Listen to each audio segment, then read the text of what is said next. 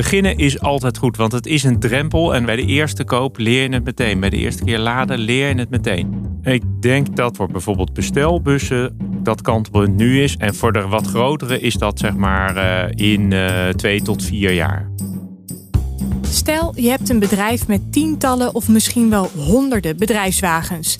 Je weet dat de toekomst elektrisch is. Wanneer stap je over en kies je voor een elektrische wagenvloot?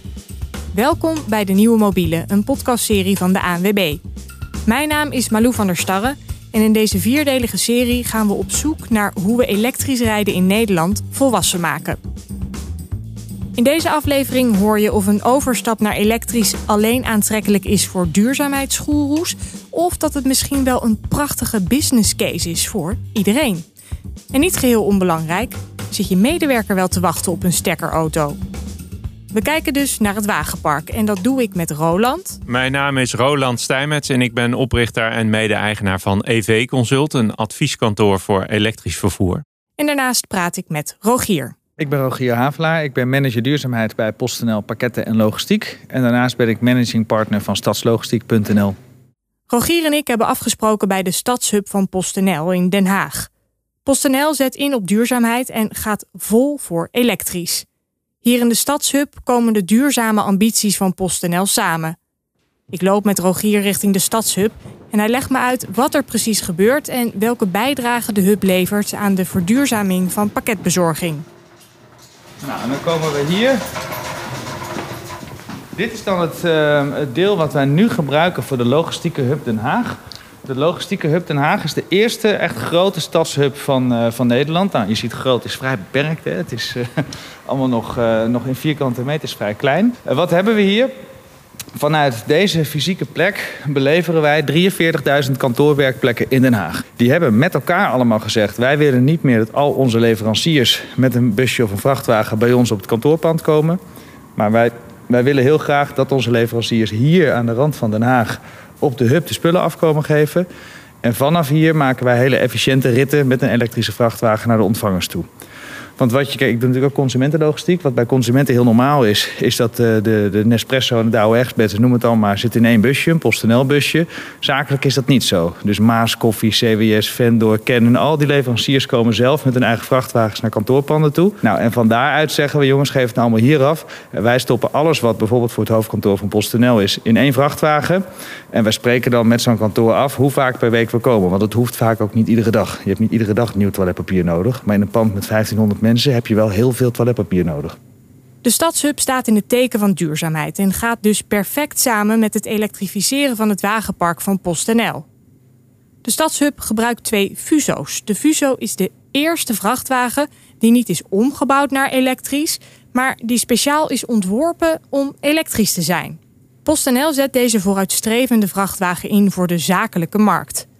Voor we verder praten over het elektrische wagenpark van PostNL, vertelt Rogier eerst meer over de andere duurzame mogelijkheden van de stadshub en de Fuso. Nou, waar ik heel blij mee ben, is de manier waarop wij onze samenwerking opgezet hebben. Dus wij rijden als PostNL met die fuso's. De lokale ondernemer waar wij zaken mee doen, die mag die fuso's ook inzetten voor zijn eigen reguliere werkzaamheden. Daarmee kan die auto zoveel mogelijk uur per dag rijden en dat willen we graag.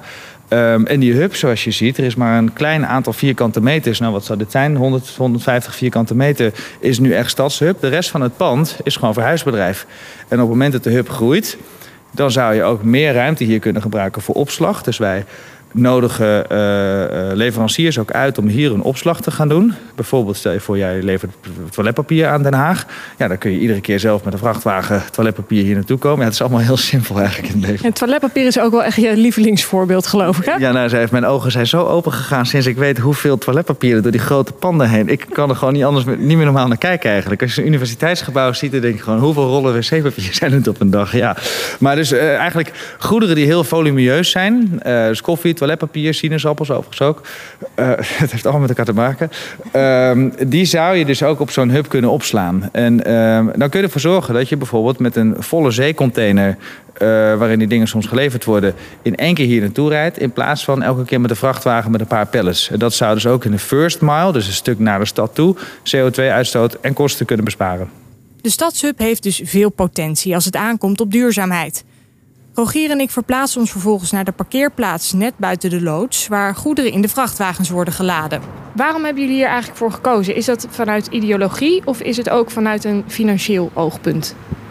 Nou, het begint natuurlijk met ideologie. Dus je moet als bedrijf weten waar je voor staat en een visie hebben. Wij zeggen, wij zijn uh, een hele grote speler op de Nederlandse markt. We zijn een grote werkgever, we zijn een bekend gezicht. Wij zitten al 200 jaar hier in, uh, in Nederland en België. Dus ja, daar willen we onze verantwoordelijkheid in nemen. En daar is het eigenlijk mee begonnen in 2016. Of in 2014 eigenlijk al, toen we in Delft stadslogistiek deden. In 2016 toen we het eerste elektrische pakkettenbusje kochten voor op de Waddeneilanden. Um, en vanuit die drive om te verduurzamen zetten we dat steeds door. Natuurlijk op een zo bedrijfseconomisch verantwoord mogelijke manier. Um, maar als ik zou zeggen dat alle business cases voor duurzaamheid super positief zijn, dan zou ik jokken. Ja, dus je moet er wel ook een beetje op inleveren, als ik het zo begrijp, in en beginnen ja, je maakt met elkaar de keuze om, uh, om erin te investeren. Dat hebben we ook recent uh, bij de presentatie van onze halfjaarcijfers laten weten. Dat we echt een forse intensivering doen van onze duurzaamheidsinvesteringen. Omdat wij gewoon meegaan in het idee dat we met elkaar moeten zorgen dat de wereld schoner en duurzamer wordt. PostNL wordt dus vooral gedreven door duurzaamheid. Maar hoe zit dat eigenlijk met andere bedrijven? Waarom zou je overstappen naar een elektrisch wagenpark? Roland Stijnmets van EV Consult kan mij hier meer over vertellen. Nou, je ziet eigenlijk twee verschillende bedrijven. Een deel die nu pioniers eigenlijk, die echt vanuit een missie dat doen. Dus die beginnen al met hun wagenpark. Daar maken ze echt een verschil van ons hele wagenpark wordt elektrisch. En je hebt natuurlijk wat meer calculerende bedrijven. Die kijken naar hoe, hoe zit het nou vooral met de kosten. En er is eigenlijk een derde categorie die ziet, ja, daar, daar komen zero-emissiezones in steden. Dus eigenlijk kan ik niet anders. Nee, dus dat is ook eigenlijk dan een beetje een zakelijke overweging. Zijn er ook bedrijven die zeggen: het maakt me niet uit wat het kost, ik wil nu gewoon elektrisch worden? Uh, die zijn wij nog niet tegengekomen. Maar uh, de meeste kijken maken wel een overweging. Wat wel gebeurt is dat bedrijven zeggen: Nou, ik heb het er wel voor over. Misschien is het aan de start nog iets duurder. Maar dat heb ik er nu wel voor over om die switch al te maken. En is het dan ook afhankelijk van het formaat van het bedrijf? Zeg maar, is het voor ieder bedrijf interessant om de overstap te maken? Eigenlijk als je kijkt naar uh, puur de kostenoverweging, is het vooral over de grootte van het voertuig. Dus hele grote, hè, wat meer echte grote vrachtauto's. Nou, daar is het nog echt heel moeilijk en ontzettend duur. Gaan we even naar de andere kant van het spectrum. Kleinere bestelbussen zijn eigenlijk al behoorlijk betaalbaar. En uh, ook als je de vergelijking maakt, niet alleen in aanschaf, maar ook in het gebruik gedurende bijvoorbeeld vier of vijf jaar, dan is het echt een aantrekkelijk alternatief financieel. Ja, en dan maakt het niet echt uit van hoe groot je wagenpark eigenlijk is. Dan is het gewoon sowieso per definitie slim. Ja, dan is het eigenlijk per definitie slim. En inderdaad, al heb je twee auto's, kan je ze ook allebei elektrisch maken. Oké, overstappen op een elektrisch wagenpark kan dus lonen, zelfs als je maar een paar auto's hebt. En duurzamer is het natuurlijk al snel. Maar hoe stap je dan over? Waar kijk je als eerste naar? Eigenlijk voor alle partijen zijn er een soort van vier stappen die zijn belangrijk. Eerst is kennis vergaren. Gewoon weten wat is er nou in de markt. Er is ook best wel veel onbekendheid met het onderwerp. Tweede gaat over wat voor type voertuig heb ik nou nodig? Wil ik uh, eentje die heel ver kan rijden, heel veel kan laden, met een aanhanger kan rijden. Dus wat meer je specificaties. Het derde gaat dan over hoe ga ik hem laden? Doe ik dat op mijn kantoor? Doe ik dat thuis? Doe ik dat onderweg? En de vierde gaat natuurlijk over kosten. En eigenlijk over al die vier punten, ja, daar, daar, daar start het mee. Van hoe, hoe, hoe ga ik dat organiseren? Er is maar zoveel wat je van tevoren kan uitzoeken. Het meeste leer je toch door het echt te gaan doen. Beginnen is altijd goed, want het is een drempel. En wat ik net zei, dat eerste punt over kennis, dat leer je dan meteen. Bij de eerste koop leer je het meteen. Bij de eerste keer laden leer je het meteen. Bij PostNL zijn ze dus al lang begonnen met elektrisch rijden, maar ze zijn nog lang niet klaar. Er zijn namelijk een hoop uitdagingen, vooral omdat de elektrische automarkt zich nog verder moet ontwikkelen. Als je wil verduurzamen, dan moet je een paar dingen doen. Eén, je moet voertuigen hebben. Nou, voor ons pakkettenbedrijf investeren we nu fors in uh, elektrische voertuigen voor de pakkettendistributie. Het lastige daarvan is dat ze nu nog een beetje te klein zijn af en toe voor ons. Uh, en de actieradius is nog beperkt. En de levertijd is beperkt uh, door het chiptekort. We wisten we twee jaar geleden ook nog niet dat dat zou komen, maar het is er. Dus uh, dat zijn de uitdagingen met de busjes zelf. De tweede uitdaging die je hebt is de laadinfrastructuur. Nou, dat is bijvoorbeeld wat je hier zie je één puntje. Bij onze pakkettensorteerfabrieken leggen wij hele laadpleinen aan van 25 of 50 uh, stroompunten. Nou, dat moet je ondergronds wel al die kabeltjes even neerleggen. Dat kost heel veel geld en tijd. En ook daar loopt de levertijd steeds verder op door het chiptekort. Het is echt een soort veroorzaker van al uw problemen. Nou, en stel je voor, je hebt straks busjes, je hebt laadpleinen en al die stekkers zitten in de stopcontacten, dan moet er ook nog genoeg stroom zijn. En dat is er ook niet. Dus we hebben al op verschillende plekken brieven gekregen van de netbeheerder met ongeveer de strekking beste PostNL. De afgelopen tien jaar heeft u gemiddeld per jaar zoveel gebruikt. In uw contract staat dat u veel meer mag gebruiken. Maar voor de komende vijf jaar houden we even u aan het gemiddelde gebruik van, gebruik van de afgelopen tien jaar. Ja, dat is dus te weinig. Dus en wat is dan de impact daarvan op de postbezorging? Nou ja, dus wij, wij leggen nu laadpleinen aan op plekken waar dat congestieprobleem op het elektriciteitsnet uh, er nog niet is of kleiner is. We hebben natuurlijk heel veel zonnepanelen op onze daken liggen. We denken af en toe na, moet je misschien ook zoeken naar batterijen of moet je kijken naar op andere tijdstippen je bus opladen. Maar het is wel een, uh, het is wel een uitdaging. En dat zien die netbeheerders ook allemaal. Hoor. Dus er wordt heel druk over, over vergaderd in het land. Als we kijken naar de consumentenmarkt, dan gebruikt PostNL normaal de verlengde Mercedes Sprinters om pakketjes te bezorgen. Daar is nog geen elektrische variant van. En dus zijn ze genoodzaakt om andere elektrische modellen te gebruiken, die vaak zo'n 14% kleiner zijn.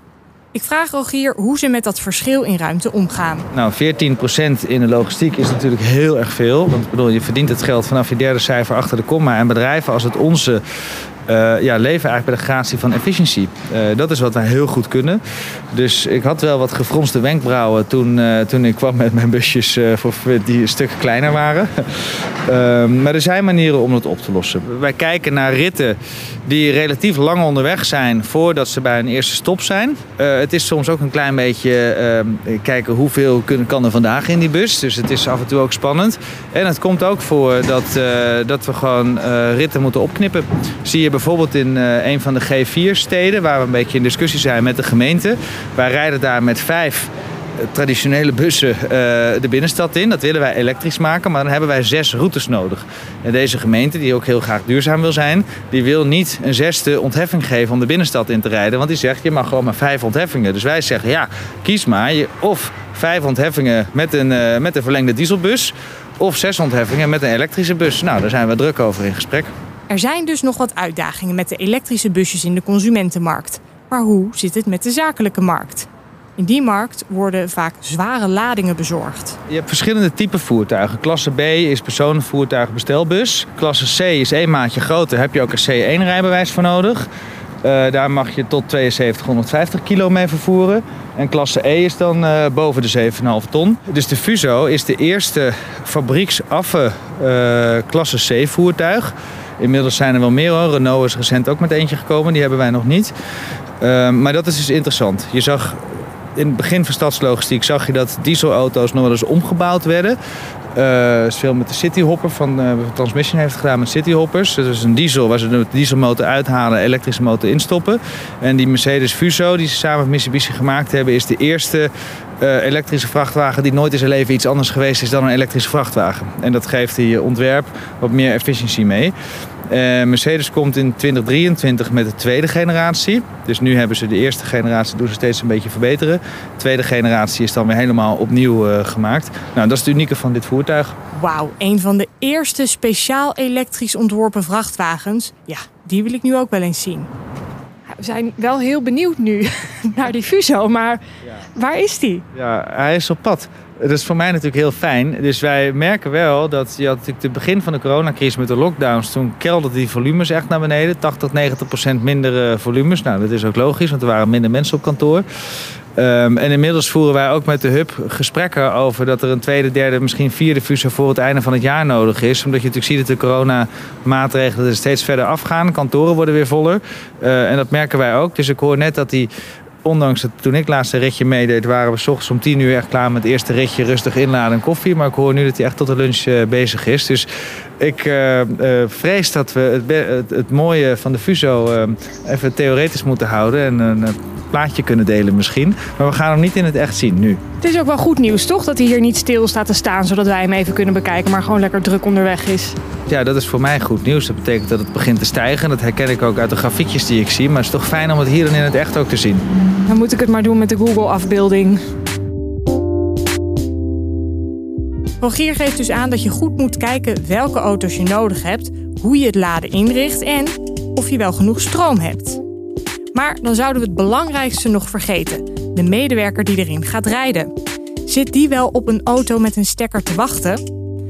Af en toe is er wel wat koudwatervrees, merkt Roland. Hoe zit het eigenlijk met de medewerkers? Hebben die zin in zo'n verandering? Dat is iets wat zorgvuldig, uh, eigenlijk een zorgvuldige transitie vergt. Je kan niet zomaar zeggen, uh, je rijdt, uh, stap maar in en doe maar. De, iets van opleiding, bijvoorbeeld ook bij het afleveren van een auto, om te vertellen wat betekent het. Als je heel veel gas geeft, ja, dan gaat de batterij sneller leeg. In de winter gaat die wat sneller leeg. Dus er zijn wel wat gebruikservaringen die mensen echt moeten waar je ze in kan begeleiden. En dat, dat kan door bijvoorbeeld een, een, in een groot wagenpark vijf testauto's neer te zetten. En dan met goede begeleiding te zorgen dat mensen enthousiast worden en denken: hé, hey, dat rijdt eigenlijk hartstikke lekker. Dat het zo stil is, is eigenlijk heel lekker. Dat er weinig trilling is, is eigenlijk super lekker. En het valt eigenlijk wel mee met die actieradius. Nou, maar, de, en maar als je een keer start met één en iemand gaat meteen proberen 600 kilometer te rijden en stopt, ja, dan, dan ben je die meteen verloren. Dus, uh, dus er zijn wel wat gebruikservaringen die mensen echt moeten, waar je ze in kan begeleiden. En als je dat eenmaal weet, uh, denk ik dat het wel meevalt. Ja, want daar zit vooral de weerstand dan in, in het niet kennen? Ja, ja, in het niet kennen ook wel ideeën over. Je kan er maar een heel klein stukje mee rijden. Of uh, ze gaan altijd kapot. Of ik, kan nergens een laadpaal vinden. Nou, dat is ook een tweede punt. Voor, ja, waar is de laadpaal? Daar zijn goede apps voor. Daar kan je mensen nou, vooraf je route plannen. Of tijdens het rijden. Als je, kan je de laadpalen zien in je scherm. Maar dat moet wel iemand een keer uitleggen. Er zijn dus hobbels, maar daar kan je wel overheen komen. En die hobbels worden steeds lager als er steeds meer elektrische wagens zijn.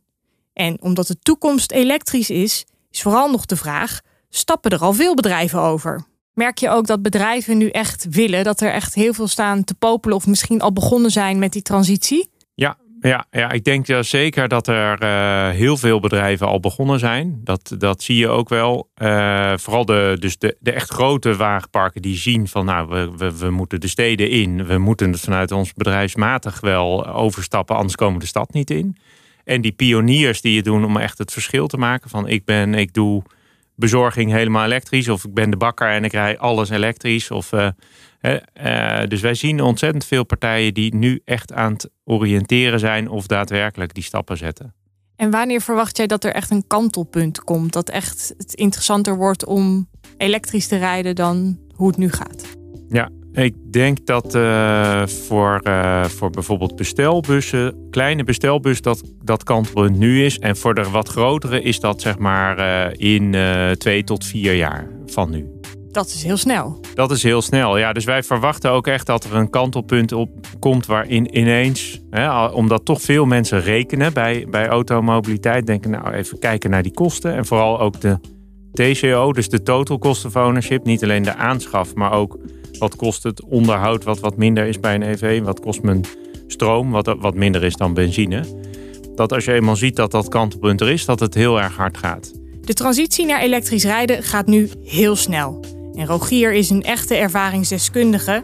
En hij heeft enkele praktische tips voor bedrijven die over willen gaan naar elektrisch. Het is nodig dat de hoogste inkoopbaas zegt: jongens, ik wil niet meer al die voertuigen op de stoep hebben. Uh, dus ga maar aan tafel, ga maar praten. Dat, zo, je moet zoiets hebben. Dus het begint wel van boven. Uh, topmanagement moet dit willen. De tweede is start. Niet blijven onderzoeken. Niet blijven, want morgen is het echt weer anders. Dus toen wij dit in 2016 kochten wij onze eerste elektrische bus. Toen wisten wij niet dat er in 2021 een stroomcongestieprobleem zou zijn. We wisten niet dat er een chipprobleem zou zijn. We wisten niet dat die levertijden toe zouden nemen. We wisten niet dat die busjes 40% kleiner waren. Maar we hadden wel toen op de Waddeneilanden de eerste elektrische busjes. En dat is super belangrijk. Want van daaruit kun je verder. Wij verduurzamen ook niet van vandaag op morgen ons hele bedrijf. Er rijden 5.000, 6.000 pakkettenbussen voor ons. Zo'n 600, 700 vrachtwagens rijden er namens ons rond. Die hebben we echt niet allemaal in één dag duurzaam. Ehm, en daarom kun je ook wel zeggen, joh, we beginnen nu met wat er nu is. En volgend jaar moeten er weer een paar honderd auto's vervangen worden. Nou, dan kijken we dan weer wat dan het beste is. Dus ehm, eh, je hoeft niet meteen 500 elektrische auto's te kopen, maar vijf kan ook. En je hoeft er niet meteen vijf te kopen, maar je kan er ook eentje kopen. Als jij kantoor bent en je hebt een hoop accountmanagers op de weg zeg gewoon, jongens, eh, je mag zelf kiezen. En uh, als je een leaseauto van de zaak wil, is die elektrisch. En als je heel graag een dieselauto wil of een benzineauto, dan betaal je hem maar lekker zelf. Dan weet ik zeker dat iedereen elektrisch kiest. Het is niet de vraag of je moet overstappen, maar wanneer. En daarvoor kan je de eerste stappen nu al zetten. Wil je weten welke stappen? Kijk dan even op aanwb.nl/slash zakelijk. Dit was De Nieuwe Mobiele, een podcastserie van de ANWB. Mijn naam is Malou van der Starren. En heb je nog niet alle afleveringen uit deze serie geluisterd? Luister ze dan terug in je favoriete podcast-app.